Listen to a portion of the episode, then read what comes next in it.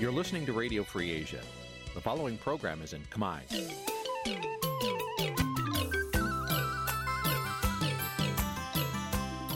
Nǐ ជាកម្មវិធីផ្សាយ Vuthu Azizi Serai នេះជាកម្មវិធីផ្សាយរបស់ Vuthu Azizi Serai ជាភាសាខ្មែរ Vuthu Azizi Serai សូមស្វាគមន៍លោកអ្នកនាងទាំងអស់ពីរដ្ឋធានី Washington នៃសហរដ្ឋអាមេរិក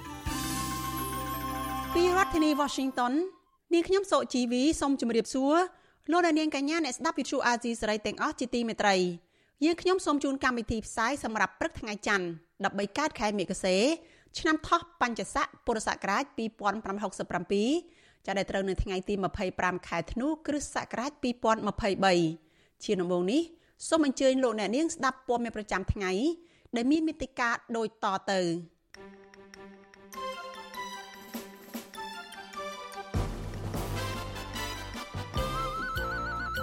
អ្នកខ្លាំមើលថាលោកហ៊ុនសែនធ្វើឲ្យខូចកិត្តិយសជាតិដែលបន្តស្នើឲ្យម៉ាឡេស៊ីទប់ស្កាត់ក្រុមបកប្រឆាំងខ្មែរមិនឲ្យចូលប្រទេសនេះអាញាធរបង្ក្រាបទីតាំងបាត់ល្មើសពីកន្លែងនៅភ្នំពេញរឹបអូសគ្រឿងញៀននិងសារធាតុផ្សំជិត500គីឡូក្រាមអ្នកខ្លាំមើលចាត់ទុកការទូទាត់លុយយួនចិនតាមប្រព័ន្ធ Digital នៅកម្ពុជា ថាជាការពង្រីកឥទ្ធិពលចិននៅក្នុងតំបន់អាស៊ាន។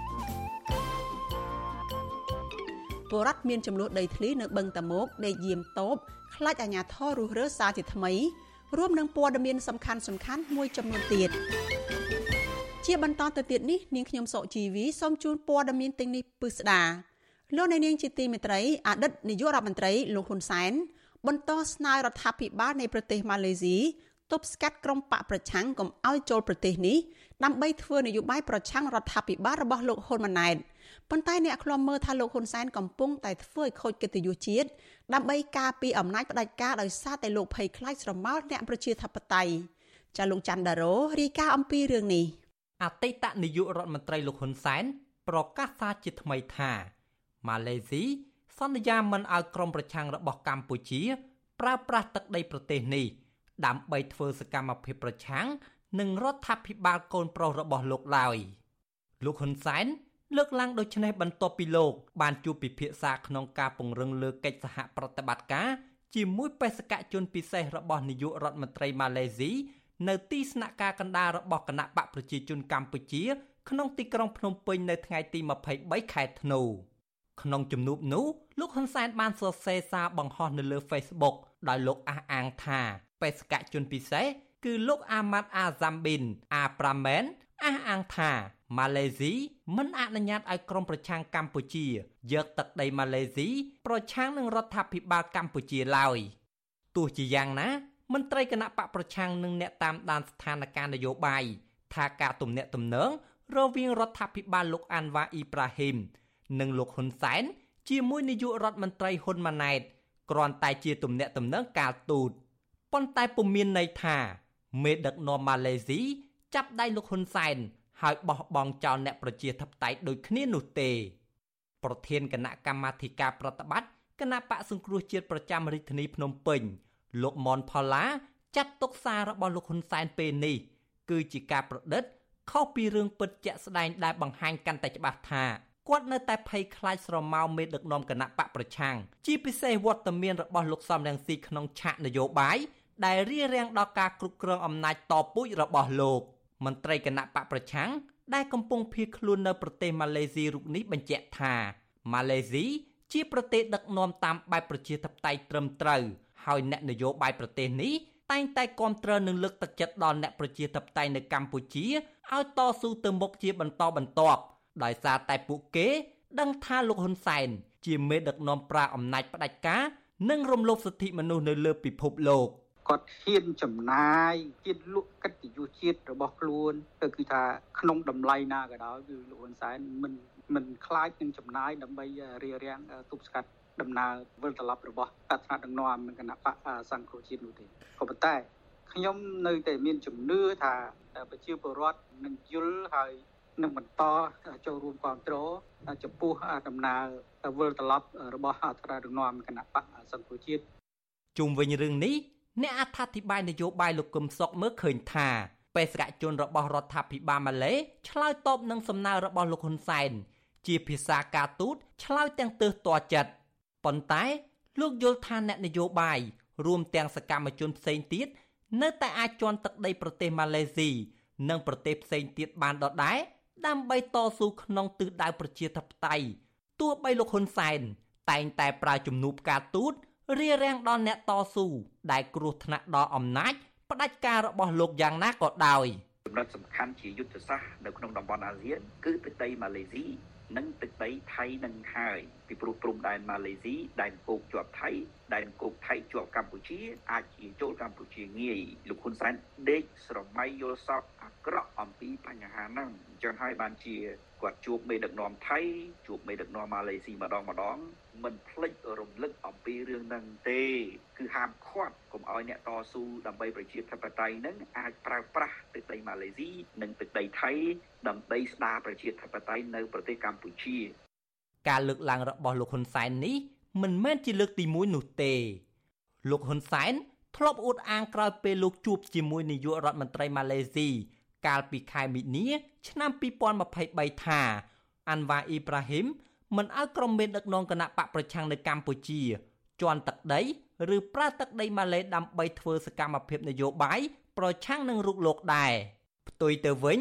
ម៉ាឡេស៊ីមិនបានធ្វើតាមសំណើរបស់លោកហ៊ុនសែនឡើយដោយប្រទេសនេះបានឲ្យប្រធានស្ដីទីគណៈបកសង្គ្រោះជាតិលោកសំរងស៊ីនិងមន្ត្រីគណៈបកផ្សេងទៀតជន់ទឹកដីរបស់ខ្លួនជាលើកទី2កាលពីថ្ងៃទី30ខែឧសភាឆ្នាំ2023ក្រោយពីលោកហ៊ុនសែនរារាំងមិនឲ្យលោកវិលទៅកម្ពុជាកាលពីថ្ងៃទី9វិច្ឆិកាឆ្នាំ2019ករណីនេះមន្ត្រីគណៈបកប្រឆាំងចាត់ទុកថា ជារឿងមួយ ដែលធ្វើឲ្យលោកហ៊ុនសែនអាម៉ាស់មុខដោយលោកភ្លេចគិតថាលោកអាន់វ៉ាអ៊ីប្រាហ៊ីមជាមេដឹកនាំគណៈបកប្រឆាំងនៅម៉ាឡេស៊ីធ្លាប់ជាអ្នកតស៊ូដើម្បីប្រជាធិបតេយ្យទម្រាំបានដឹកនាំប្រទេសនេះខ្ញុំបាទច័ន្ទដារោវុទ្ធុអាស៊ីសេរីលោកនាងជាទីមេត្រីព័ត៌មានតកតនឹងការបង្ក្រាបគ្រឿងញៀនវិញម្ដងអាញាធរបង្ក្រាបបទល្មើសគ្រឿងញៀនពីទីតាំងនៅរាជធានីភ្នំពេញ រឹបអូសបានគ្រឿងញៀននិងសារធាតុផ្សំផ្សេងទៀតជិតកន្លះតោនចាមន្ត្រីអង្គការសង្គមស៊ីវិលថាអាញាធរពាក់ព័ន្ធគួរតែបង្កើនការស្រាវជ្រាវទៅដល់ទីតាំងផលិត ហើយបោះសម្អាតបណ្ដាញជួញដូរនិងលុបបំបាត់អំពើពុករលួយទើបអាចដោះស្រាយបញ្ហាគ្រឿងញៀននេះបានចាលោកជីវិតា មានសេចក្តីរាយការណ៍អំពីរឿងនេះជូនលោកអ្នកនាងដូចតទៅអគ្គស្នងការនគរបាលជាតិបានបង្ហោះនៅលើគេហទំព័រ Facebook ផ្លូវការនៅថ្ងៃទី23ធ្នូថា អញ្ញាធរគ្រឿងញៀនកាលពីថ្ងៃទី19ធ្នូបានចុះបង្ក្រាបទីតាំងជួញដូរនិងរក្សាទុកគ្រឿងញៀនពីរកន្លែងក្នុងខណ្ឌមានជ័យរាជធានីភ្នំពេញនិងឃាត់ខ្លួនជនបរទេសចំនួន4នាក់ក្នុងនោះមានជនជាតិចិន2នាក់និងជនជាតិវៀតណាម2នាក់អញ្ញាធរបានចាប់យកវត្ថុតាង រួមមានម៉ាស៊ីនផលិត កែច្នៃវិចខ្ចប់គ្រឿងញៀនជាច្រើនប្រភេទរួមមានប្រភេទ Ecstasy ឬថ្នាំក្រវីក្បាលទម្ងន់ជិត27គីឡូក្រាម Methamphetamine ទម្ងន់ជិត30គីឡូក្រាម សារធាតុផ្សំជាង300គីឡូក្រាម និងគ្រឿងញៀនផ្សេងៗមួយចំនួនទៀតប្រពន្ធដដែលឲ្យដឹងថាអញ្ញាធរកំពុងកសាងសំណុំរឿងដើម្បីបញ្ជូនជនសង្ស័យនិងវត្ថុតាងទៅកាន់សាលាដំបងរាជធានីភ្នំពេញដើម្បីបន្តនីតិវិធីវិទ្យុអាស៊ីសេរីនៅមិនទាន់អាចតាក់ទងអគ្គស្នងការរងនគរបាលជាតិទទួលបន្ទុកបង្ក្រាបបទល្មើសគ្រឿងញៀនលោកម៉ាក់ជីតូ ដើម្បីបញ្ជាក់បន្ថែមពីបញ្ហានេះបាននៅឡើយទេនៅថ្ងៃទី24ធ្នូដោយទូរស័ព្ទចូលជាច្រើនដង តែគ្មានអ្នកទទួលកាលពីថ្ងៃទី18ខែធ្នូរដ្ឋមន្ត្រីក្រសួងមហាផ្ទៃលោកសសុខា បានថ្លែងថា កាលពីមុន ប្រទេសកម្ពុជាគ្រាន់តែជាតំបន់ឆ្លងកាត់គ្រឿងញៀនប៉ុណ្ណោះប៉ុន្តែបច្ចុប្បន្ននេះកម្ពុជាក្លាយជាកន្លែងផលិតលក់ក្នុងស្រុកតែម្ដងលោកបង្ហាញពីចំនួនអ្នកជាប់ពន្ធនាគារ ថាគិតត្រឹមឆ្នាំ2023នេះកើនឡើងដល់ជាង42000នាក់ក្នុងនោះមានស្ត្រីជាង2500នាក់លោកបញ្ជាក់ថា អ្នកជាប់ពន្ធនាគារសរុបទាំងជាង42000នាក់នោះគឺមាន51%ជាប់ដោយសារគ្រឿងញៀនខណៈឆ្នាំ2022អ្នកជាប់ឃុំសរុបមានត្រឹមជិត40000នាក់នៅក្នុងពន្ធនាគារទូទាំងប្រទេសហើយបើយើងមើលទស្សនវិជ្ជាមួយរួមមួយថ្ងៃមួយថ្ងៃ មានអ្នកប្រព្រឹត្តបទល្មើសដែលត្រូវចូលពន្ធនាគារចន្លោះពី50ទៅ60ជាងអ្នកក្នុងមួយថ្ងៃហើយអ្នកចេញតិចឯងជួនកាលឯខ្លះចូលដល់100អ្នកក៏មានដែរប៉ុន្តែចេញបានទៅដល់10អ្នកទេចឹងចូលច្រើនជាងចេញចឹងខ្ញុំគិតថាពីនេះអាចឆ្នាំក្រោយអ្នកដែលជាប់ត្រូវពន្ធនាគារបើយើងអត់ធ្វើអីសោះនឹងអាចឡើងដល់50000នាក់ចំនួននេះធំណាស់50000នាក់ហើយអ្នកទាំងអស់នេះមួយចំនួនចាញ់បោកគេមួយចំនួនជាអ្នកគេប្រើដើម្បីបន្តដៃក្នុងការលក់របស់ទាំងអស់នោះ កន្លងទៅ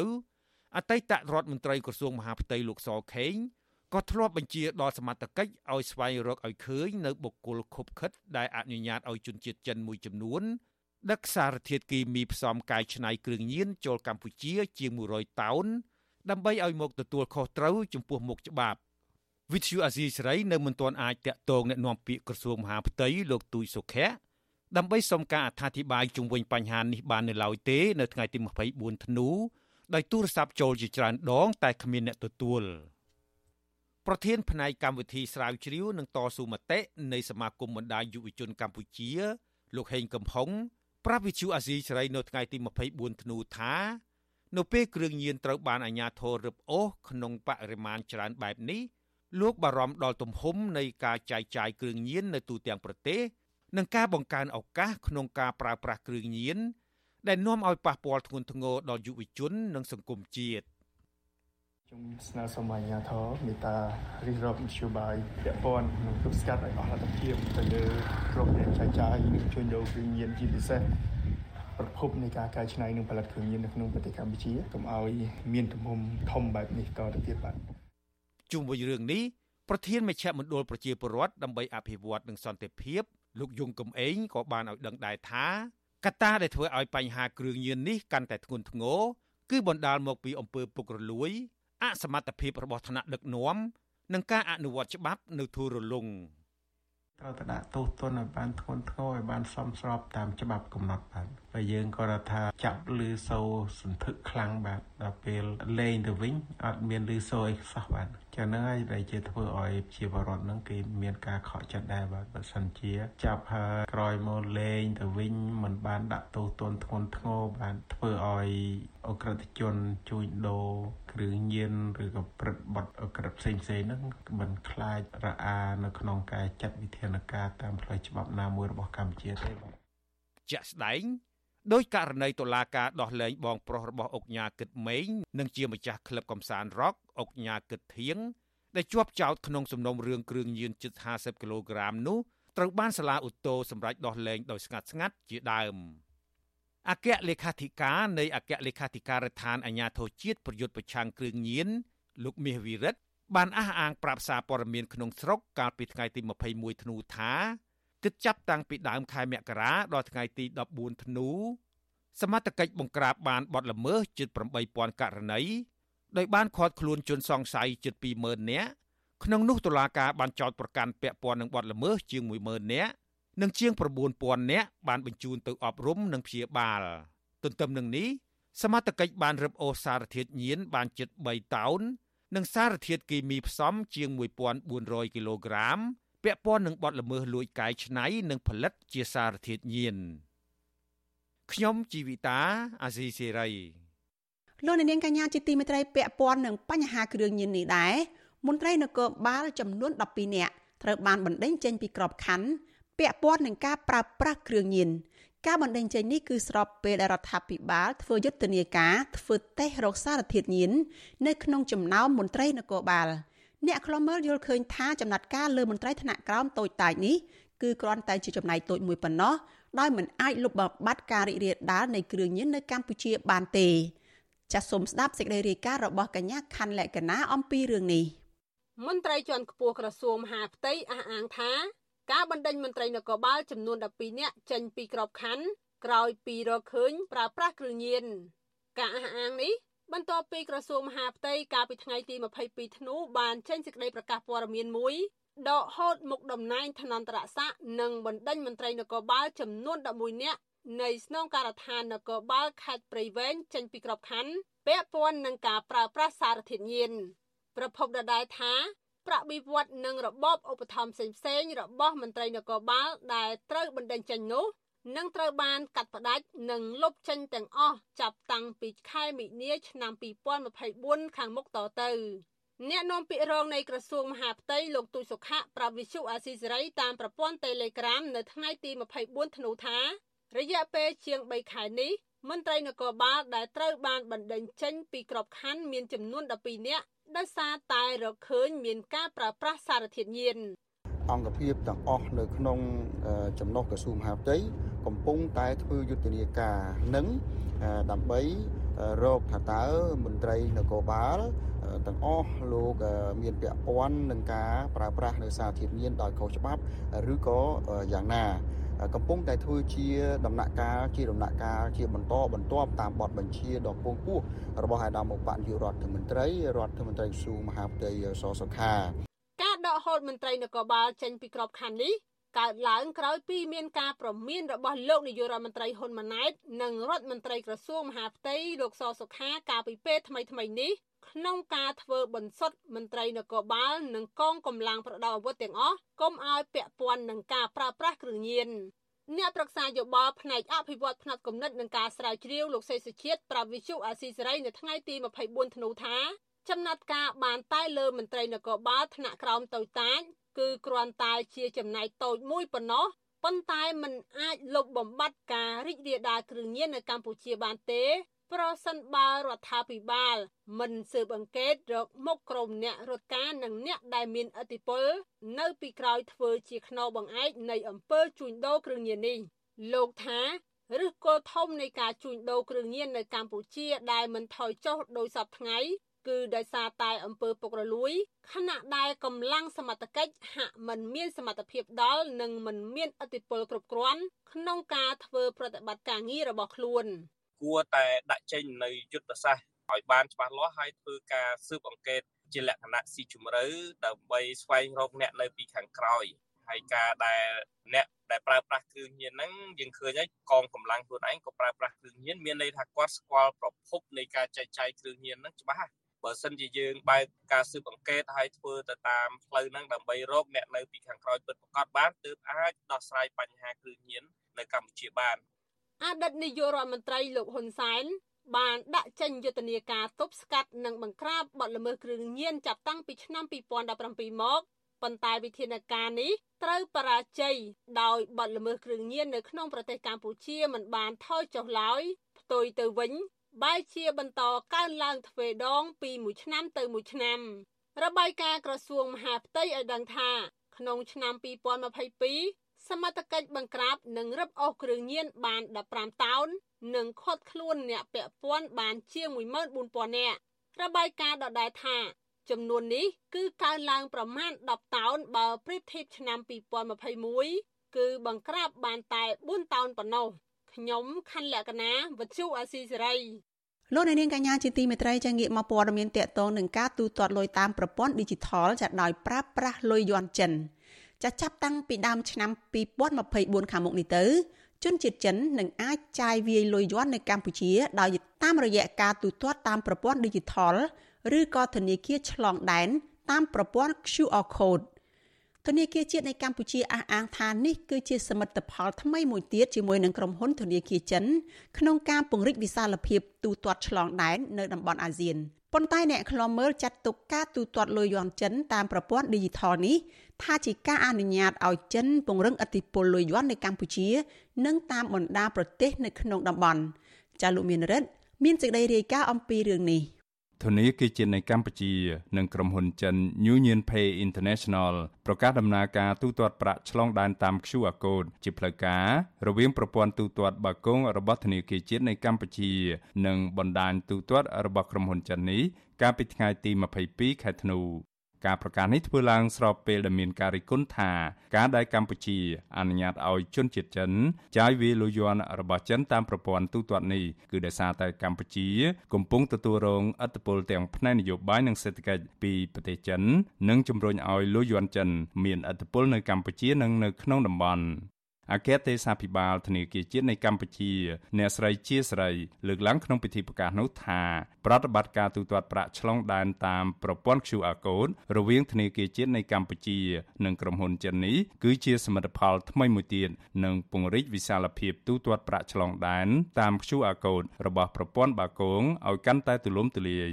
លើពីនេះទៀតអ្នកស្រីអះអាងថាកិច្ចសហប្រតិបត្តិការនេះក៏ឆ្លុះបញ្ចាំងពីគោលបំណងនៃសហគមន៍អាស៊ាន នៅក្នុងការលើកកម្ពស់ការទូទាត់ឆ្លងដែនរូបិយវត្ថុជាតិប្រកបដោយប្រសិទ្ធភាពទោះជាយ៉ាងណាតាមរយៈកិច្ចសហប្រតិបត្តិការនេះធនាគារជាតិនៃកម្ពុជាបញ្ជាក់ថាអ្នកទេសចរខ្មែរក៏អាចស្កេនទូទាត់ទំនិញជាប្រាក់រៀលនៅក្នុងប្រទេសចិនបានដែរចាប់ពីដើមឆ្នាំ2024តទៅ វិសុវអាស៊ីស្រីមណាតតតងអគ្គទេសាភិបាលធនាគារជាតិនៃកម្ពុជាអ្នកស្រីជាស្រីដើម្បីសាកសួរបន្ថែមជុំវិញរឿងនេះបាននៅឡើយទេនៅថ្ងៃទី24ខែធ្នូ ក្រៅពីកិច្ចសហប្រតិបត្តិការក្នុងការអនុញ្ញាតឲ្យជនជាតិចិនអាចចាយវាយលុយយន់នៅកម្ពុជាតាមប្រព័ន្ធទូទាត់អន្តរធនាគារនេះរដ្ឋាភិបាលលោកហ៊ុនម៉ាណែតក៏បានបង្កើនកិច្ចសហប្រតិបត្តិការជាមួយមិត្តដៃថៃចិនមួយកម្រិតទៀតដែរនោះគឺការអនុញ្ញាតឲ្យទូទាត់ទំនិញពាណិជ្ជកម្មរបស់ចិននៅកម្ពុជាជាលុយយន់របស់ចិន ក្រុមអ្នកជំនាញរិះគន់ថាការសម្រេចនេះធ្វើឡើងដើម្បីរណបចិនក្នុងគោលបំណងកាត់បន្ថយអធិបុលប្រាក់ដុល្លារនៅកម្ពុជា និងនៅលើឆាកអន្តរជាតិ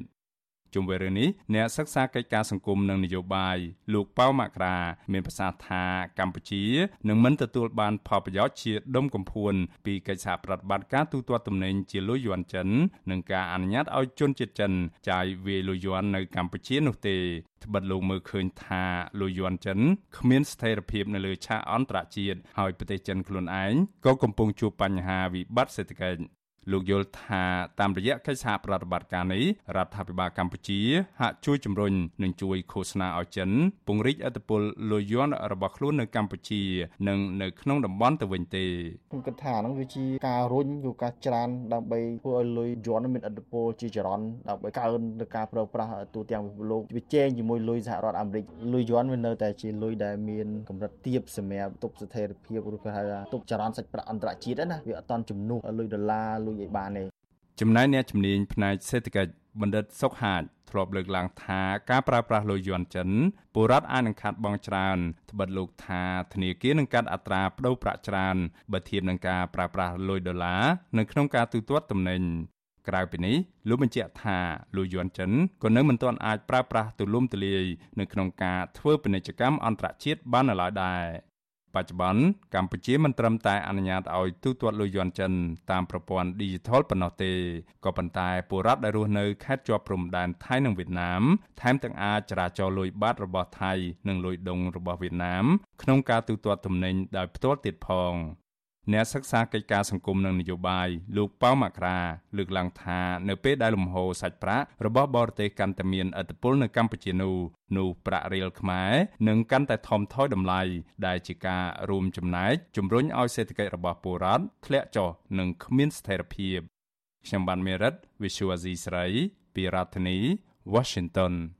លោកអ្នកនាងកំពុងស្ដាប់វិទ្យុអាស៊ីសេរីផ្សាយចេញពីរដ្ឋធានី Washington សហរដ្ឋអាមេរិក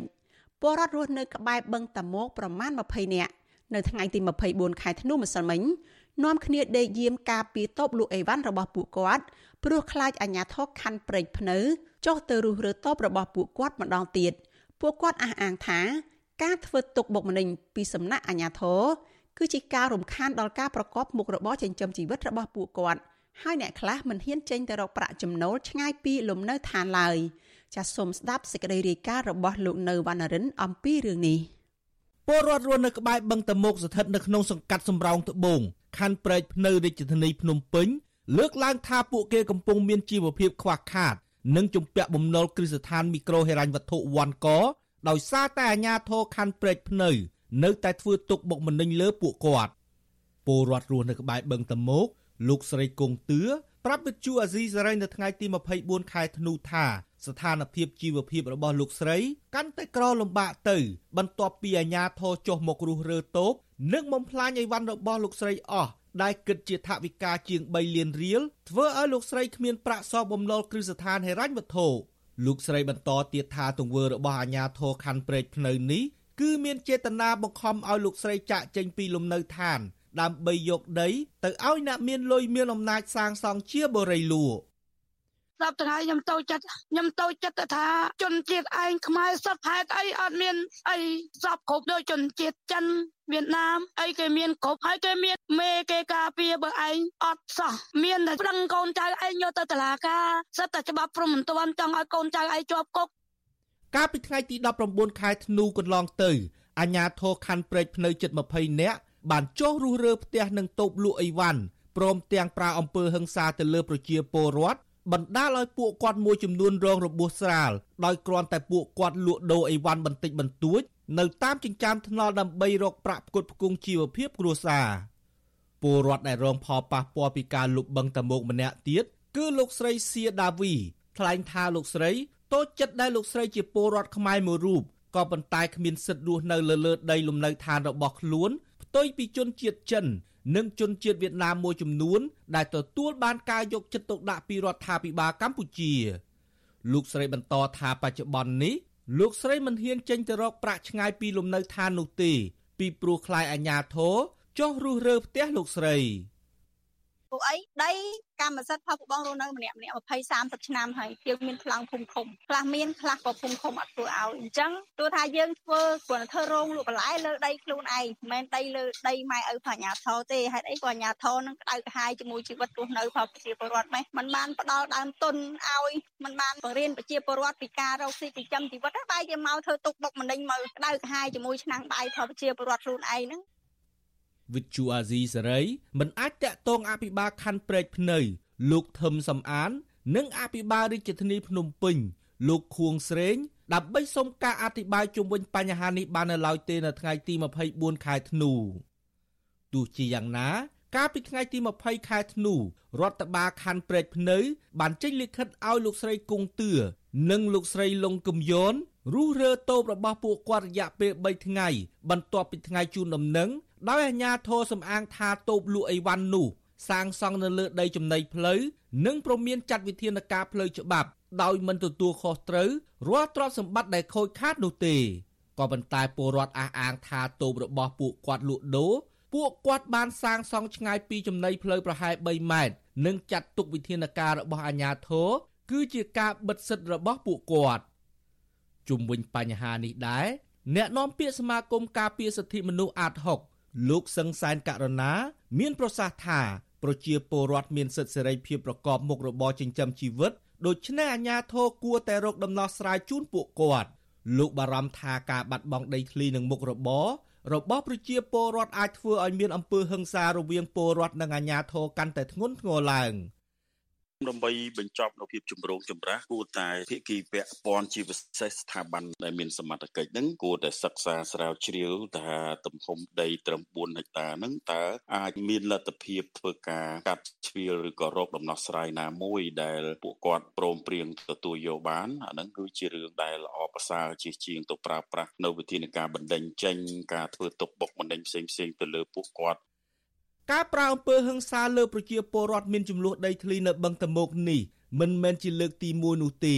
ជាក់ស្ដែង កាលពីថ្ងៃទី9ឧសភាកន្លងទៅអាជ្ញាធរប្រមាណ40នាក់បានយករណាយន្តកាត់រុះរើស្ពានឫស្សីប្រវែង80ម៉ែត្ររបស់ប្រជាពលរដ្ឋដែលសាងសង់សម្រាប់ធ្វើជាផ្លូវនិងបានប្រើហិង្សារុញច្រានធ្វើឲ្យស្ត្រី10នាក់រងរបួស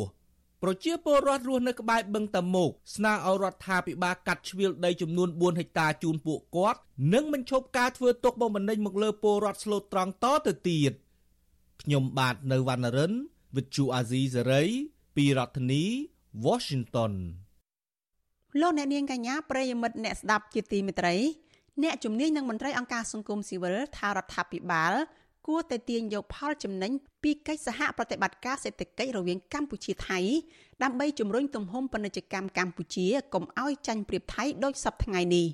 ខណៈដែលពលរដ្ឋខ្មែរចំណាក់ស្រុកទៅកាន់ប្រទេសនេះកាន់តែច្រើនការលើកឡើងនេះគឺនៅមុនពេលដែលនាយករដ្ឋមន្ត្រីលោកហ៊ុនម៉ាណែតគ្រងធ្វើដំណើរទស្សនកិច្ចនៅប្រទេសថៃនៅក្នុងខែកុម្ភៈឆ្នាំ2024ខាងមុខនេះចាលោកច័ន្ទដារ៉ូមានសេចក្តីរាយការណ៍មួយទៀតអំពីរឿងនេះ។ អ្នកខ្លំមើលស្ថានភាពសង្គមនិងមន្ត្រីសង្គមស៊ីវិលលើកឡើងថាចំណងទំនាក់ទំនងការទូតរវាងកម្ពុជាថៃក្នុងរូបភាពនៃលំហូរពាណិជ្ជកម្មការវិនិយោគទេសចរនិងការដោះដូរកម្លាំងពលកម្មជាដើម គឺមានសារៈសំខាន់សម្រាប់ប្រទេសទាំងពីរប៉ុន្តែពួកគេថាផលប្រយោជន៍ពីការទំនាក់ទំនងនោះមិនទាន់ស្មើភាពគ្នានៅឡើយដែលរដ្ឋាភិបាលកម្ពុជាគួរយកឱកាសនៃការពង្រីកពាណិជ្ជកម្មនៅតាមព្រំដែន កាត់បន្ថយអនុភាពពាណិជ្ជកម្មនិងដោះស្រាយបញ្ហារបស់ពលករចំណាក់ស្រុកអ្នកជំនាញផ្នែកវិទ្យាសាស្ត្រនយោបាយលោកអែមសវណ្ណរាប្រាប់វិទ្យុអាស៊ីសេរីនៅថ្ងៃទី23ខែធ្នូដោយលោកមើលឃើញថា ប្រទេសជិតខាង ជាពិសេសថៃមានព្រៀបលើសលប់លើកម្ពុជា តាំងពីសតវត្ស90មកទាំងពាណិជ្ជកម្មការដឹកជញ្ជូនទំនិញជាដើម លោកយល់ថាលោកនាយករដ្ឋមន្ត្រីហ៊ុនម៉ាណែតគួរយកដំណើរទស្សនកិច្ចរបស់លោក ទៅប្រទេសថៃនៅដើមឆ្នាំក្រោយនេះតាក់ទាញអ្នកវិនិយោគថៃ និងទេសចរឲ្យបានច្រើនជាងបច្ចុប្បន្នទើបកម្ពុជាទទួលបានផលចំណេញពីកិច្ចសហប្រតិបត្តិការនៃប្រទេសទាំងពីរទន្ទឹមនឹងនេះលោកអែមសវណ្ណរាប្រាប់ទៅរដ្ឋាភិបាលកម្ពុជាចាំបាច់ត្រូវតែពង្រឹងសេដ្ឋកិច្ចឲ្យបានរឹងមាំថែមទៀតតាមរយៈការបណ្ដុះបណ្ដាលធនធានមនុស្សការពង្រឹងផលិតកម្មផ្គត់ផ្គង់តម្រូវការក្នុងស្រុក និងនាំចេញដោយជៀសវាងពឹងផ្អែកលើទំនិញប្រទេសជិតខាងទាំងស្រុងយ៉ាងថាតែការផ្លាស់ប្ដូរទំហំបរិយាកម្មជាកិច្ចការល្អហើយយើងសូមលើកទឹកចិត្តក៏ប៉ុន្តែគួរតែភាគីកម្ពុជាខ្លួនឯងរៀបចំពង្រឹងយន្តការហេដ្ឋារចនាសម្ព័ន្ធគេហៅថាសេដ្ឋកិច្ចខ្លួនឯងទៅគឺយើងអាចកិច្ចសហប្រតិបត្តិការជាមួយទ្វេភាគីឬក៏ភូភាគីកម្ពុជាអាចបានអត្ថប្រយោជន៍ច្រើនការលើកឡើងនេះមុនពេលលោកនាយករដ្ឋមន្ត្រីហ៊ុនម៉ាណែត ទៅបំពេញទស្សនកិច្ចនៅទីក្រុងបាងកកប្រទេសថៃ នៅខែកុម្ភៈឆ្នាំ2024ដើម្បីជជែកអំពីកិច្ចសហប្រតិបត្តិការទ្វេភាគី ជាពិសេសពាណិជ្ជកម្មនៅតាមព្រំដែនរវាងកម្ពុជានិងថៃនាយករដ្ឋមន្ត្រីថៃ លោកសេដ្ឋាថាវិសិនបានប្រាប់ប្រព័ន្ធផ្សព្វផ្សាយក្នុងស្រុកថៃ កាលពីថ្ងៃទី18ខែធ្នូអំពីដំណើរទស្សនកិច្ចរបស់មេដឹកនាំកម្ពុជា បន្ទាប់ពីមេដឹកនាំទាំងពីរ បានជួបគ្នាក្នុងអំឡុងកិច្ចប្រជុំកម្ពុជាជប៉ុនអាស៊ាន នៅទីក្រុងតូក្យូ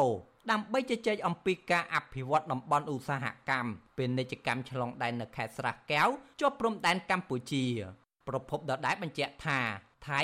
បានត្រៀមខ្លួនរួចហើយសម្រាប់មជ្ឈមណ្ឌលដឹកជញ្ជូនទំនិញក្នុងតំបន់ហើយលោកថាវិសិនថាការពង្រឹងឯកភាព និងការពង្រឹងទំនាក់ទំនងរវាងប្រទេសទាំងពីរនឹងផ្ដល់ផលប្រយោជន៍ច្រើន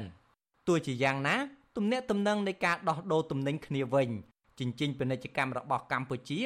នៅចាញ់ប្រៀបថៃច្រើន របាយការណ៍របស់ស្ថានទូតកម្ពុជាប្រចាំប្រទេសថៃ បង្ហាញថាការដោះដូរពាណិជ្ជកម្មទ្វេភាគី រវាងកម្ពុជានិងថៃ រយៈពេល11ខែ ក្នុងឆ្នាំ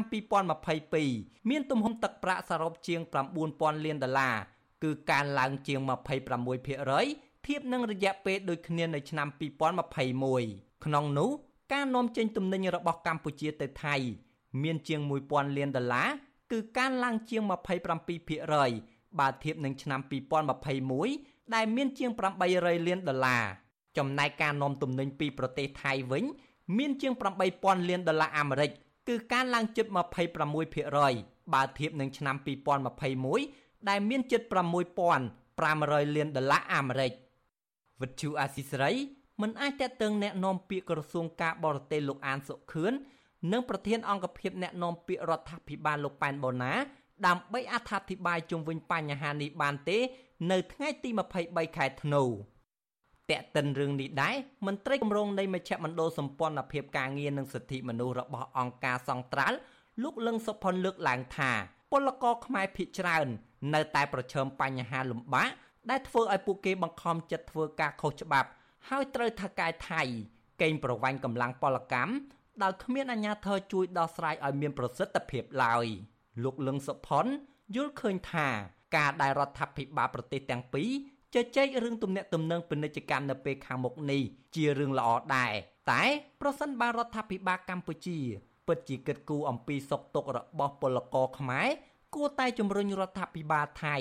ឲ្យជួយអន្តរាគមន៍បញ្ចុះតម្លៃធ្វើបានការងារ គោរពសិទ្ធិការងារដើម្បីកាត់បន្ថយផលប៉ះពាល់នានាដល់ពលករឃើញថាគាត់លំបាកវេទនាហើយដោយសារតែខាងថៃគេបន្តឹងអញ្ចឹងណាហើយរឿងគាត់លុកដូរគឺប្រកបមុខរបរផ្សេងផ្សេងដូចជាអ្នកអូអតេសតាមច្រកព្រំដែនមួយមួយហ្នឹងគួរណាតែយកមកនិយាយដើម្បីដោះស្រាយដើម្បីឲ្យខាងថៃហ្នឹងគេបានជួយសម្របសម្រួលយើងដល់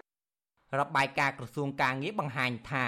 មកដល់ពេលនេះ ពលករកម្ពុជាកំពុងធ្វើការនៅក្រៅប្រទេសជាង1លាន3សែននាក់ក្នុងនោះនៅប្រទេសថៃមានជាង1លាន2សែននាក់និងប្រទេសកូរ៉េខាងត្បូងមានជិត50000នាក់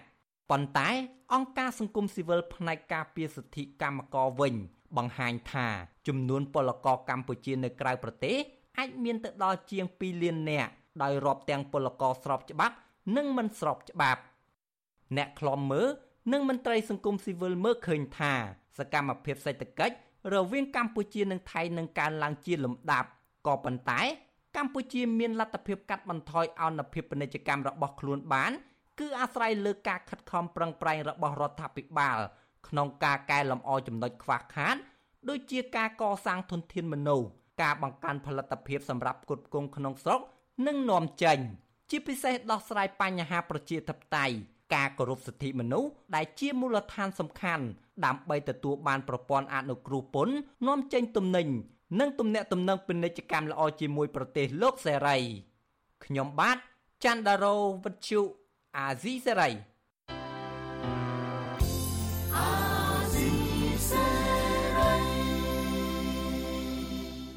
លោកអ្នកនាងកញ្ញាជាទីមេត្រីព័ត៌មានជាបន្តទៅទៀតនេះចាតតទៅនឹងការការពារធនធានធម្មជាតិព្រៃកោងកាងវិញម្ដងមន្ត្រីអង្គការសង្គមស៊ីវិលអះអាងថាការអនុវត្តច្បាប់ផ្អែកតែតាមបទបញ្ជារបស់ប្រមុខដឹកនាំរដ្ឋាភិបាលម្ដងម្កាលនៅតែជាបញ្ហាប្រឈមដដែលបើទោះបីជាមានការផ្លាស់ប្តូររដ្ឋាភិបាលអាណត្តិថ្មីក៏ដោយដែលធ្វើឲ្យវិបត្តិបរិស្ថាននៅតំបន់បឹងទន្លេសាប និងការទន្ទ្រានយកព្រៃកោងកាងនៅក្នុងខេត្តជាប់មាត់សមុទ្រនៅតែកើតមានច្រើនជុំវិញរឿងនេះប្រជាសហគមន៍គ្មានជំនឿទៅលើបទបញ្ជារបស់លោកយមត្រីហ៊ុនម៉ាណែតនោះទេដរាបណាអាញាធរមូលដ្ឋាននៅតែមិនយកច្បាប់មកអនុវត្តជាប្រចាំចាលោកយ៉ងច័ន្ទដារា មានសេចក្តីរាយការណ៍ពិស្ដារជុំវិញរឿងនេះជូនលោកអ្នកនាងដូចតទៅប្រជាសហគមន៍នេសាទរស់នៅខេត្តកោះកុងនិងមន្ត្រីអង្គការសង្គមស៊ីវិលសង្កេតឃើញថា កម្ពុជាមានច្បាប់គ្រប់គ្រាន់នៅក្នុងការអនុវត្តលើវិស័យបរិស្ថាននិងធនធានធម្មជាតិក៏ប៉ុន្តែអាជ្ញាធរនៅតែធ្វេសប្រហែសមិនពង្រឹងការអនុវត្តច្បាប់ជាច្រើនអាណត្តិមកហើយពួកគេថាប្រការនេះធ្វើឲ្យព្រៃលិចទឹកនិងព្រៃកោងកាងជាច្រើនតំបន់នៅក្នុងខេត្តកោះកុងខេត្តកែបខេត្តកំពត និងខេត្តចំនួន6ទៀតនៅជុំវិញបឹងទន្លេសាបរងការកាប់ទន្ទ្រានជាបន្តបន្ទាប់ដោយភ ieck ច្រើនប្រព្រឹត្តឡើងដោយក្រុមអ្នកមានលុយមានអំណាច ពលរដ្ឋរស់នៅក្នុងស្រុកស្រែអំបិលខេត្តកោះកុងលោកអ៊ុយសារុនប្រាប់វិទ្យុអាស៊ីសេរីនៅថ្ងៃទី22ធ្នូថា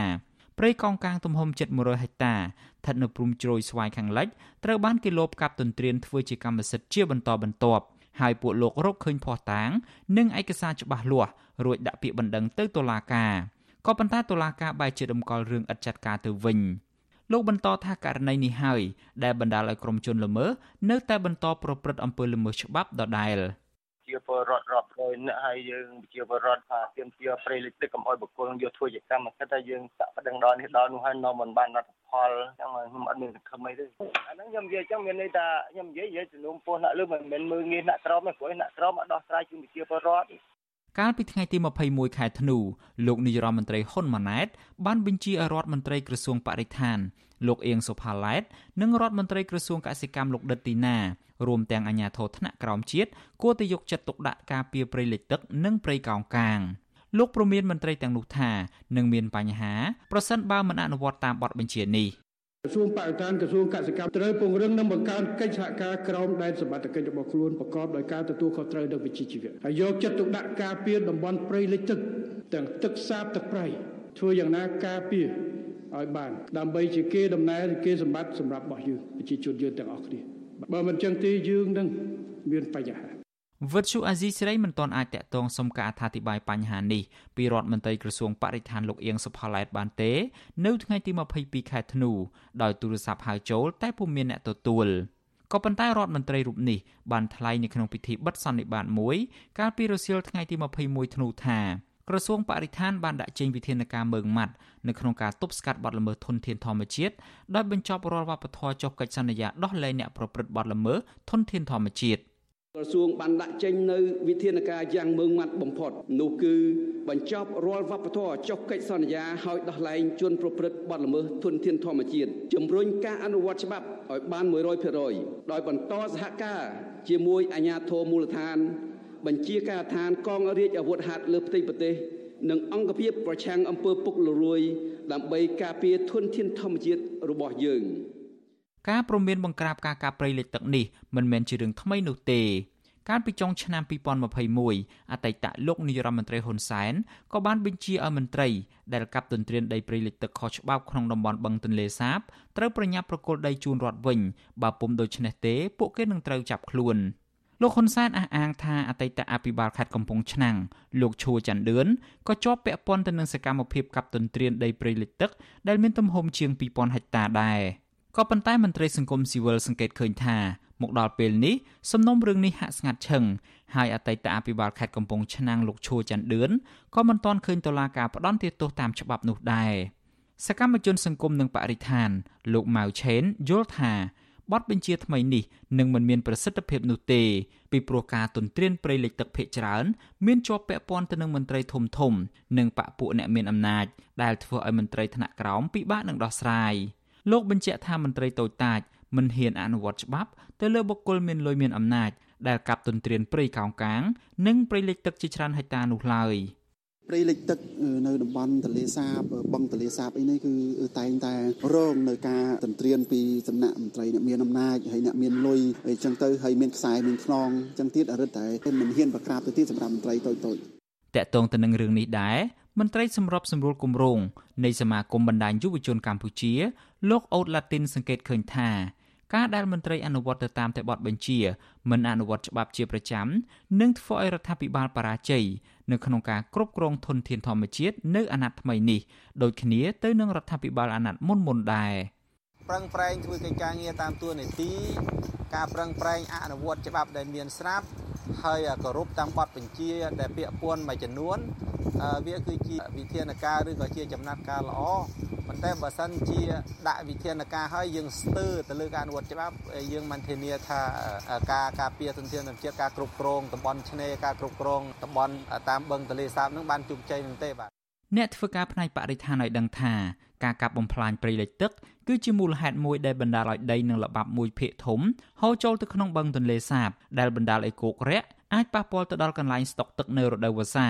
និងប៉ះពាល់ដល់ធនធានព្រៃលិចទឹកដែលជាជំរកដ៏សំខាន់របស់ត្រីពងកូននិងជីវៈចម្រុះ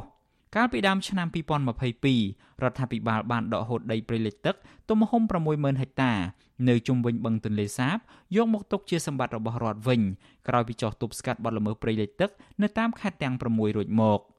ខ្ញុំយ៉ងច័ន្ទដារាវិទ្យុអាស៊ីសេរី Washington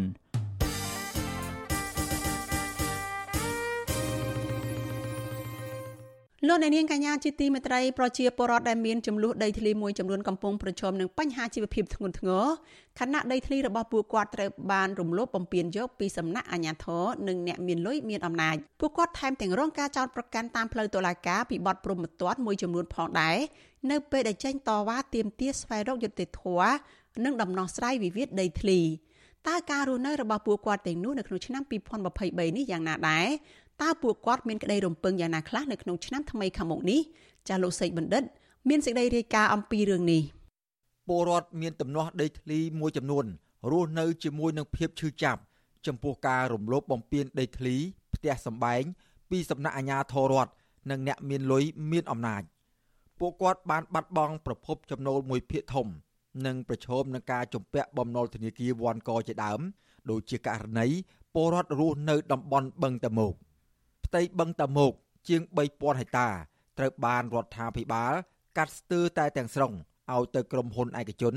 និងបុគ្គលមួយចំនួន ដែលស្និទ្ធនឹងក្រុមគ្រួសារលោកនាយករដ្ឋមន្ត្រី ដែលបញ្ហានេះប៉ះពាល់ដល់ពលរដ្ឋដែលអាស្រ័យផលលើបឹងធម្មជាតិមួយនេះប្រធានសហគមន៍សំរោងត្បូងលោកស្រីប្រាក់សុភិបប្រាប់ពទ្យុអាស៊ីសេរី នៅថ្ងៃទី23ធ្នូថា លោកស្រីមិនពេញចិត្ត ចំពោះការអភិវឌ្ឍលើទឹកភ្នែកប្រជារាស្ត្រនោះទេ ដោយសារតែការអភិវឌ្ឍនោះมันបានសិក្សាពីផលប៉ះពាល់ចំពោះប្រជាពលរដ្ឋលោកស្រីសោកស្ដាយចំពោះទង្វើអមនុស្សធម៌របស់អាជ្ញាធរដែលបានប្រើប្រាស់អំពើហិង្សាលើពលរដ្ឋជាពិសេសអំពើហិង្សាលើស្ត្រី លោកស្រីមិនរំពឹងថានាយករដ្ឋមន្ត្រីថ្មី អាចដោះស្រាយបញ្ហាដីធ្លីជូនពលរដ្ឋនៅតំបន់បឹងតមុកនោះបាននោះទេ បឹងមួយទាំងមូល3000ហិកតាជាងហើយហេតុអីក៏ពួកអស់លោកនៅតែមិនឆ្អែតឆ្អន់ណាដីពួកយើងមិនដល់2ហិកតាផងហេតុអីក៏ពួកអស់លោកមិនបិទភ្នែកហើយមិនផ្ដល់សិទ្ធឲ្យពួកយើងបានអភិវឌ្ឍនៅនឹងកន្លែងហើយឲ្យពួកយើងរស់នៅដោយស្ងប់សុខជាងនេះទៅទៀតពពលរដ្ឋមានទំនាស់ដីធ្លីមួយចំនួនក៏កំពុងប្រឈមការចោទប្រកាន់តាមផ្លូវតុលាការ និងតាមបណ្ដឹងរបស់អ្នកមានលុយមានអំណាច នៅពេលពួកគាត់អនុវត្តសិទ្ធិសេរីភាពជាមូលដ្ឋាន ទាមទាររកដំណោះស្រាយវិវាទដីធ្លីដោយករណីតំណាងពលរដ្ឋមានទំនាស់ដីធ្លីនៅខេត្តកោះកុងដែលត្រូវបានតុលាការឃុំខ្លួនក្នុងពន្ធនាគារមួយរយៈនិងចោទប្រកាន់ពីបទប្រមទ័នជាដើមបទចោទប្រកាន់ដ៏ពេញនិយមទាំងនោះ គឺបទបរិហាគេនិងញុះញង់តំណាងសហគមន៍ដីធ្លី គ្រួសារ195គ្រួសារនៅក្នុងស្រុកសាអំបិលខេត្តកោះកុងដែលត្រូវបានអាជ្ញាធរចាប់ខ្លួនដាក់ពន្ធនាគារ ជិត100ថ្ងៃជាមួយនឹងកូនតូចមានអាយុជាង1ខួប និងមានជំងឺប្រចាំកាយច្រើនមុខគឺលោកស្រីផៅញើងប្រាប់បទសុអសីស្រីថា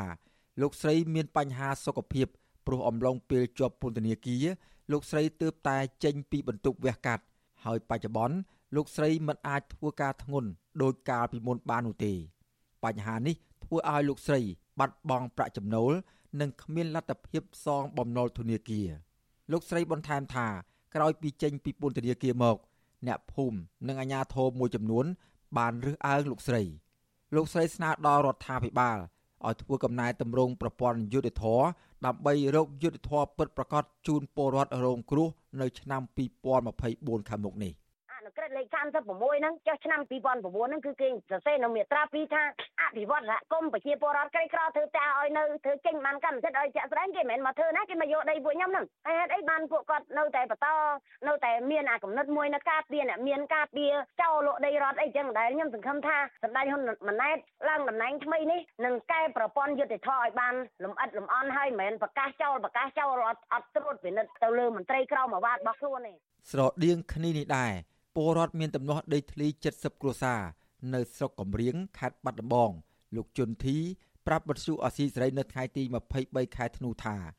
លោកត្រូវបានអ្នកមានអំណាចដែលជាទីប្រឹក្សាប្រធានក្រុមប្រឹក្សាអភិវឌ្ឍវិស័យកសិកម្មនិងជនបទលោកទួធានទឺបានបិទផ្លូវធ្វើដំណើរចេញចូលផ្ទះប្រើប្រាស់គ្រឿងចាក់ឈូសឆាយផ្ទះសម្បែងលួចយកទ្រព្យសម្បត្តិហើយលោកត្រូវអ្នកមានអំណាចរូបនោះ ប្តឹងទៅស្នងការដ្ឋាននគរបាលខេត្តបាត់ដំបងឲ្យលោកចូលទៅបំភ្លឺនៅស្នងការខេត្តថែមទៀតផងខ្ញុំយល់ថាអយុធធម៌ហួសហើយជនដែលប្រព្រឹត្តនឹងដូចជាខូខៅពេកអញ្ចឹងបងបានខូខៅពេកមិនត្រឹមតែបិទផ្លូវហើយបំផ្លាញទ្រព្យសម្បត្តិប្រជាពលរដ្ឋទៀតដោយឡែកពលរដ្ឋមានទំនាស់ដីធ្លីមួយចំនួន បានបង្ខំចិត្តចាក់ឆ្ងាយពីក្រមគ្រួសារភៀសខ្លួនទៅរស់នៅក្រៅប្រទេសដើម្បីរក្សាសវត្ថិភាព ពីការធ្វើទុកបុកម្នេញពីអាជ្ញាធរនិងតុលាការពួកគាត់ហាងថាមានសមត្ថកិច្ចតាមដានឃ្លាំមើលពួកគាត់ជារៀងរាល់ថ្ងៃពលរដ្ឋរងគ្រោះពីគម្រោងផ្លូវរទេះភ្លើង នៅខេត្តបន្ទាយមានជ័យលោកឆេងប៊ុនហាក់ប្រាប់បទសុអសីសេរីនៅថ្ងៃទី23ខែតុលាដែរថាលោកបានសម្រេចចិត្តភៀសខ្លួនទៅនៅក្រៅប្រទេសដោយសារតែអាជ្ញាធរជាច្រើនបានមកផ្ទះដើម្បីឃាត់ខ្លួនលោក លោកលើកឡើងទៀតថា នៅឆ្នាំ2024ខាងមុខនេះរដ្ឋាភិបាលមិនអាចដោះស្រាយបញ្ហាជូនពលរដ្ឋរងគ្រោះដោយគម្រោងផ្លូវរថភ្លើងបាននោះទេសម្រាប់ប្រជាពលរដ្ឋដែលរងផលប៉ះពាល់ដូចខ្ញុំនឹងគេអត់មានតបបានឲ្យទេគេសុកចិត្តគេយកដីនឹងទៅលក់ដីដងក៏គេលក់ដីសួនក៏គេលក់ហើយសូម្បីតែដីដែលនៅនៅក្នុងសហគមន៍ហ្នឹងសម្រាប់ចែកឲ្យប្រជាពលរដ្ឋហ្នឹងគេយកទៅធ្វើជាសាលាសង្កាត់គេយកធ្វើជាកន្លែងប៉ុស្តិ៍ប៉ូលីសទៀតគេមិនឲ្យប្រជាពលរដ្ឋទេ វិទ្យុអស៊ីសេរីនៅពុំទាន់អាចតាក់ទងแนะនាំពាក្យរដ្ឋាភិបាលលោកប៉ែនបូណានិងแนะនាំពាក្យក្រសួងដែនដីនគររូបនីយកម្មនិងសំណង់លោកសេងលូតដើម្បីសុំការឆ្លើយតបចំពោះបញ្ហានេះបាននៅឡើយទេនៅថ្ងៃទី23ខែធ្នូដោយទូរស័ព្ទចូលច្រើនដងតែពុំមានអ្នកទទួលកាលពីខែវិច្ឆិកាកន្លងទៅលោកនាយករដ្ឋមន្ត្រីហ៊ុនម៉ាណែតបញ្ជាឲ្យអាជ្ញាធរថ្នាក់ក្រោមជាតិដោះស្រាយបញ្ហានៅមូលដ្ឋាន ដើម្បីកុំឲ្យពលរដ្ឋឡើងមកតវ៉ានៅភូមិគ្រឹះឪពុករបស់លោកនៅក្រុងតាខ្មៅនិងនៅក្រសួងពាក់ព័ន្ធផ្សេងទៀតផ្ទុយពីការដាក់បទបញ្ជាទាំងនេះអាជ្ញាធរខណ្ឌព្រែកភ្នៅជិត20នាក់កាលពីរសៀលថ្ងៃទី19ខែធ្នូបានចុះទៅរុះរើផ្ទះនិងតូបមួយកន្លែងរបស់ពលរដ្ឋដែលលក់ដូររបស់របរតិចតួចតាមចិញ្ចើមថ្នល់នៅជាប់នឹងបឹងតាមុកស្ថិតនៅក្នុងសង្កាត់សំរោងត្បូងខណ្ឌព្រែកភ្នៅរាជធានីភ្នំពេញ បង្កឲ្យមានការប៉ះទង្គិចគ្នាដោយហិង្សារវាងអាជ្ញាធរនិងពលរដ្ឋដែលបណ្ដាលឲ្យពលរដ្ឋមួយចំនួនរងរបួសស្រាលអ្នកសម្របសម្រួលផ្នែកឃ្លាំមើលការរំលោភសិទ្ធិមនុស្សនៃអង្គការលីកាដូខេត្តបាត់ដំបងលោកអិនគង់ចិត្តសង្កេតឃើញថា បញ្ហាវិវាទដីធ្លីនេះ បានធ្វើឲ្យពលរដ្ឋមួយចំនួន បាត់បង់ទីលំនៅ ដីធ្លី ផ្ទះសម្បែងនិងបាត់បង់ប្រាក់ចំណូល ហើយធ្លាក់ខ្លួនក្នុងភាពក្រីក្រ និងគ្មានលទ្ធភាពសងបំណុលធនាគារលោកលើកឡើងទៀតថា ក្នុងឆ្នាំ2024ខាងមុខនេះរដ្ឋាភិបាលគួរតែបង្កើតយុទ្ធសាស្ត្រដោះស្រាយបញ្ហាដីធ្លីជូនពលរដ្ឋទូទាំងប្រទេសគណៈកម្មការដោះស្រាយវិវាទក្រៅប្រព័ន្ធតុលាការគឺត្រូវតែរៀបចំការបណ្ដោះបណ្ដាលធនធានមនុស្សមានមន្ត្រីដែលមានសមត្ថកិច្ចក្នុងការសម្របសម្រួលដោះស្រាយនិងបំពាក់ចំណេះដឹងច្បាប់ ដល់ពួកគាត់ដែលជាគ្រឹះមូលដ្ឋាន ក្នុងការស្វែងរកដំណោះស្រាយដល់គូវិវាទទាំងនោះដើម្បីឲ្យដំណោះស្រាយនឹងការផ្សះផ្សានឹងបានជឿនលឿនទៅមុខនិងឆាប់បានជាដំណោះស្រាយដល់ប្រជាពលរដ្ឋរបាយការណ៍កម្រាស់34ទំព័ររបស់សមាគមការពារសិទ្ធិមនុស្សអាត6កាលពីឆ្នាំ2021បានបង្ហាញថាវិវាទដីធ្លីជិត200ករណីលើទំហំដីជិត60000ហិកតា ដែលបង្កផលប៉ះពាល់ដល់ពលរដ្ឋជនរងគ្រោះជិត20000គ្រួសារក្នុងនោះមានជនជាតិដើមភាគតិចជាង1000គ្រួសារក្នុងចំណោមករណីទាំងនោះភាគច្រើនគឺការចេញពីការរំលោភយកដីពីអ្នកមានអំណាច និងអ្នកមានទ្រព្យសម្បត្តិខ្ញុំបាទសេកបណ្ឌិតវិទ្យុអាស៊ីសេរីពីរដ្ឋធានីវ៉ាស៊ីនតោន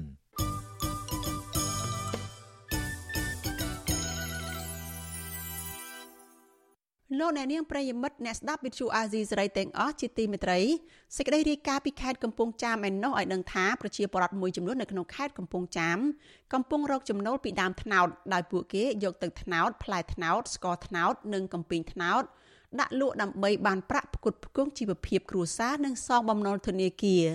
ពួកគាត់អំពាវនាវដល់ពលរដ្ឋដែលធ្វើដំណើរតាមផ្លូវជាតិលេខ6ឲ្យជួយទិញនិងគាំទ្រពួកគាត់ រីឯអ្នកជំនាញផ្នែកសេដ្ឋកិច្ចក្រៅប្រព័ន្ធជំរុញឲ្យអាជ្ញាធរពាក់ព័ន្ធបង្កើតតំបន់នោះទៅជាតំបន់ទេសចរបែបរបបប្រពៃណីចាលោកជីវតារាយការណ៍ព័ត៌មាននេះបើគេធ្វើដំណើរនៅលើដងផ្លូវជាតិលេខ6ចម្ងាយប្រមាណ60គីឡូម៉ែត្រពីទីក្រុងភ្នំពេញនោះនឹងឃើញប្រជាពលរដ្ឋរស់នៅភូមិផ្អាវឃុំផ្អាវស្រុកបាធាយខេត្តកំពង់ចាមសង់រោងតូចតូចតម្រៀបគ្នាជាជួរនៅតាមដងផ្លូវ ដោយមានដាក់លក់ទឹកត្នោតផ្លែត្នោតស្ករត្នោត និងកំពីងត្នោតជាហូហែដែលជាប្រភពចំណូលមួយសម្រាប់ប្រជាពលរដ្ឋរស់នៅតំបន់នោះយោងតាមប្រភពពលរដ្ឋដែលប្រកបរបរនេះអ្នកភូមិផ្អាវប្រមាណ40ទៅ50%បាននាំគ្នាប្រកបមុខរបរទាំងអស់នេះដោយពួកគេរកប្រាក់បានជាមធ្យមចាប់ពី60000រៀលទៅ100,000រៀលក្នុងមួយថ្ងៃហើយអ្នកភូមិបានប្រកបរបរមួយនេះជិត10ឆ្នាំមកហើយអ្នកភូមិផ្អាវឈ្មោះសីក្លយ ដៃកាន់កំបិតកាប់និងឆ្កឹះក្របថ្នោតខ្ចីបណ្ដើនិយាយរៀបរាប់ប្រាប់វិទ្យុអាស៊ីសេរីបណ្ដើថាលោកបានប្រកបមុខរបរនេះជិត10ឆ្នាំហើយលោកបញ្ជាក់ថា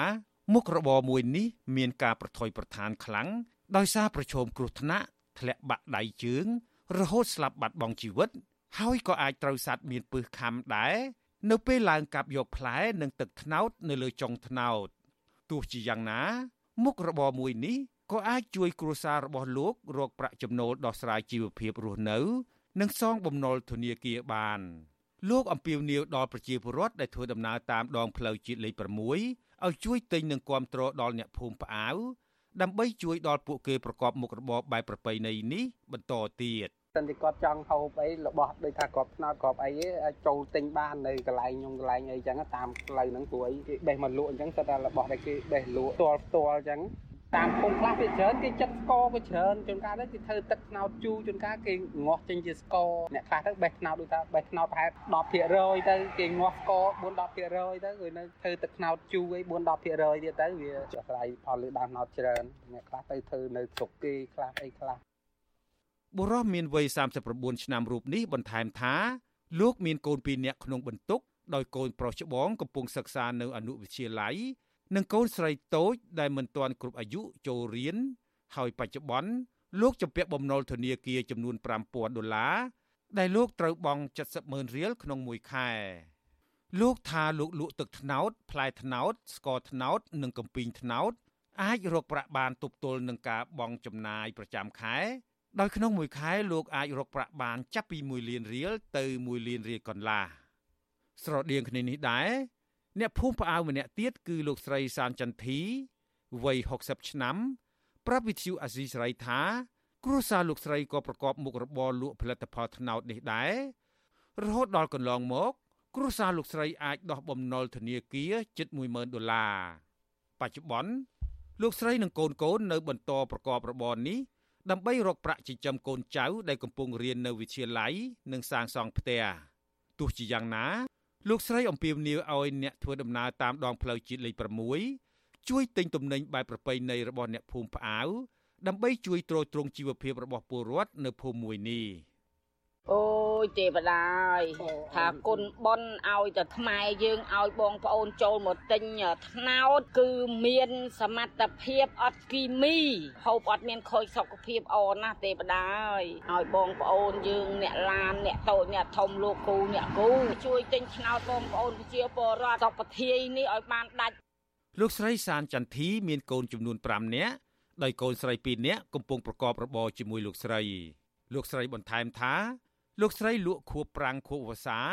ដែលរកប្រាក់ចំណូលបានចន្លោះពី1លាន60ម៉ឺនរៀលទៅ2លានរៀលក្នុងមួយខែអ្នកភូមិពុះយកគ្រាប់និងកំពីងថ្នោតដាក់ក្នុងថង់ព្យួរលក់តាមដងផ្លូវជាតិលេខ6ដោយក្នុងតម្លៃចាប់ពី5000រៀលទៅ10000រៀលចំណែកទឹកថ្នោតពួកគេដាក់ដបរីឯស្ករផែនពួកគេខ្ចប់នឹងស្លឹកថ្នោត និងដាក់ក្រឡ មានទម្ងន់ចាប់ពីកន្លះគីឡូក្រាមទៅ1គីឡូក្រាម ទាក់ទិននឹងការលក់ផលិតផលត្នោតនេះមេឃុំផ្អៅមកពីគណៈបកប្រជាជនកម្ពុជាលោកម៉ោងទាវបញ្ជាក់អះអាងយ៉ាងខ្លីថាពលរដ្ឋនៅឃុំផ្អៅដែលប្រកបមុខរបរមួយនេះពួកគាត់មានជីវភាពធូរធារចំណែកប្រធានសមាគមប្រជាធិបតេយ្យឯករាជ្យនៃសេដ្ឋកិច្ចក្រៅប្រព័ន្ធហៅកាត់ថា idea លោកវ៉ុនពៅយល់ឃើញថាមុខរបរមួយនេះគឺជាមុខរបរបែបប្រពៃណីរបស់ប្រជាពលរដ្ឋនៅឃុំផ្អៅខេត្តកំពង់ចាម លោកជំរុញឲ្យអាជ្ញាធរពាក់ព័ន្ធនៅតំបន់នោះយកចិត្តទុកដាក់និងរៀបចំបង្កើតតំបន់មួយនេះទៅជាតំបន់ទេសចរមុខរបរបែបប្រពៃណីខ្មែរដើម្បីទាក់ទាញភ្ញៀវទេសចរជាតិនិងអន្តរជាតិទៅកំសាន្តដើម្បីជួយបង្កើតចំណូលដល់ពលរដ្ឋនៅតំបន់នោះថែមទៀត ហើយមិនត្រឹមតែប៉ុណ្ណឹងរដ្ឋគួរតែរៀបចំទីផ្សារសម្រាប់ស្ករត្នោតអាចទៅលក់ដល់អន្តរជាតិថែមទៀតផងពីព្រោះជាការលើកស្ទួយនៃជីវភាពរបស់ប្រជាពលរដ្ឋនៅភូមិអាវនេះទាំងមូលហើយជាការធានានូវសេដ្ឋកិច្ចរបស់ពួកគាត់ប្រចាំថ្ងៃប្រចាំខែប្រចាំឆ្នាំដើម្បីគាត់មានជីវភាពថ្លៃថ្នូរបើទោះជាមុខរបរមួយនេះมันមានភាពស៊ីវិល័យដូចមុខរបរដទៃទៀតក៏ពិតមែនក៏ប្រជាពលរដ្ឋរស់នៅឃុំផ្អាវប្រមាណ40ទៅ50%ពេញចិត្តក្នុងការប្រកបមុខរបរបែបប្រពៃណីនេះ ដែលក្នុងនោះអ្នកខ្លះឡើងកាប់ផ្លែត្នោតនិងយកទឹកត្នោតធ្វើជាស្ករដើម្បីបោះដុំលក់បន្តទៅខេត្តផ្សេងទៀតក្រៅពីទឹកត្នោតស្ករត្នោតផ្លែត្នោតនិងកំពីងត្នោតដើមត្នោតក៏បានផ្ដល់ផលប្រយោជន៍ដល់ជីវភាពរស់នៅរបស់ប្រជាពលរដ្ឋផងដែរដូចជាស្លឹកត្នោតអាចយកមកដេរផ្គុំគ្នា សម្រាប់ប្រក់លំនៅឋាន ឬសំណង់ផ្សេងផ្សេងធ្វើជាកន្ទេល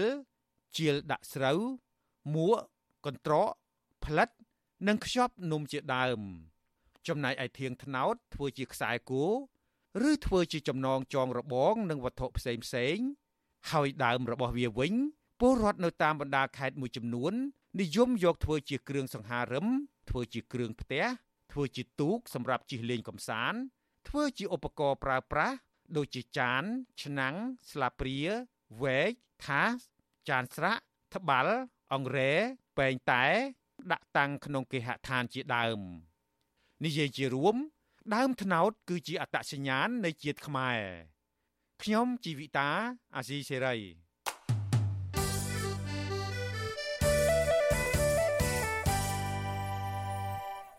លោកអ្នកនាងជាទីមេត្រីការផ្សាយរយៈពេល1ម៉ោងរបស់វិទ្យុអាស៊ីសេរីជាភាសាខ្មែរនៅព្រឹកនេះចាប់ត្រឹមតែប៉ុណ្ណេះនាងខ្ញុំសុជីវី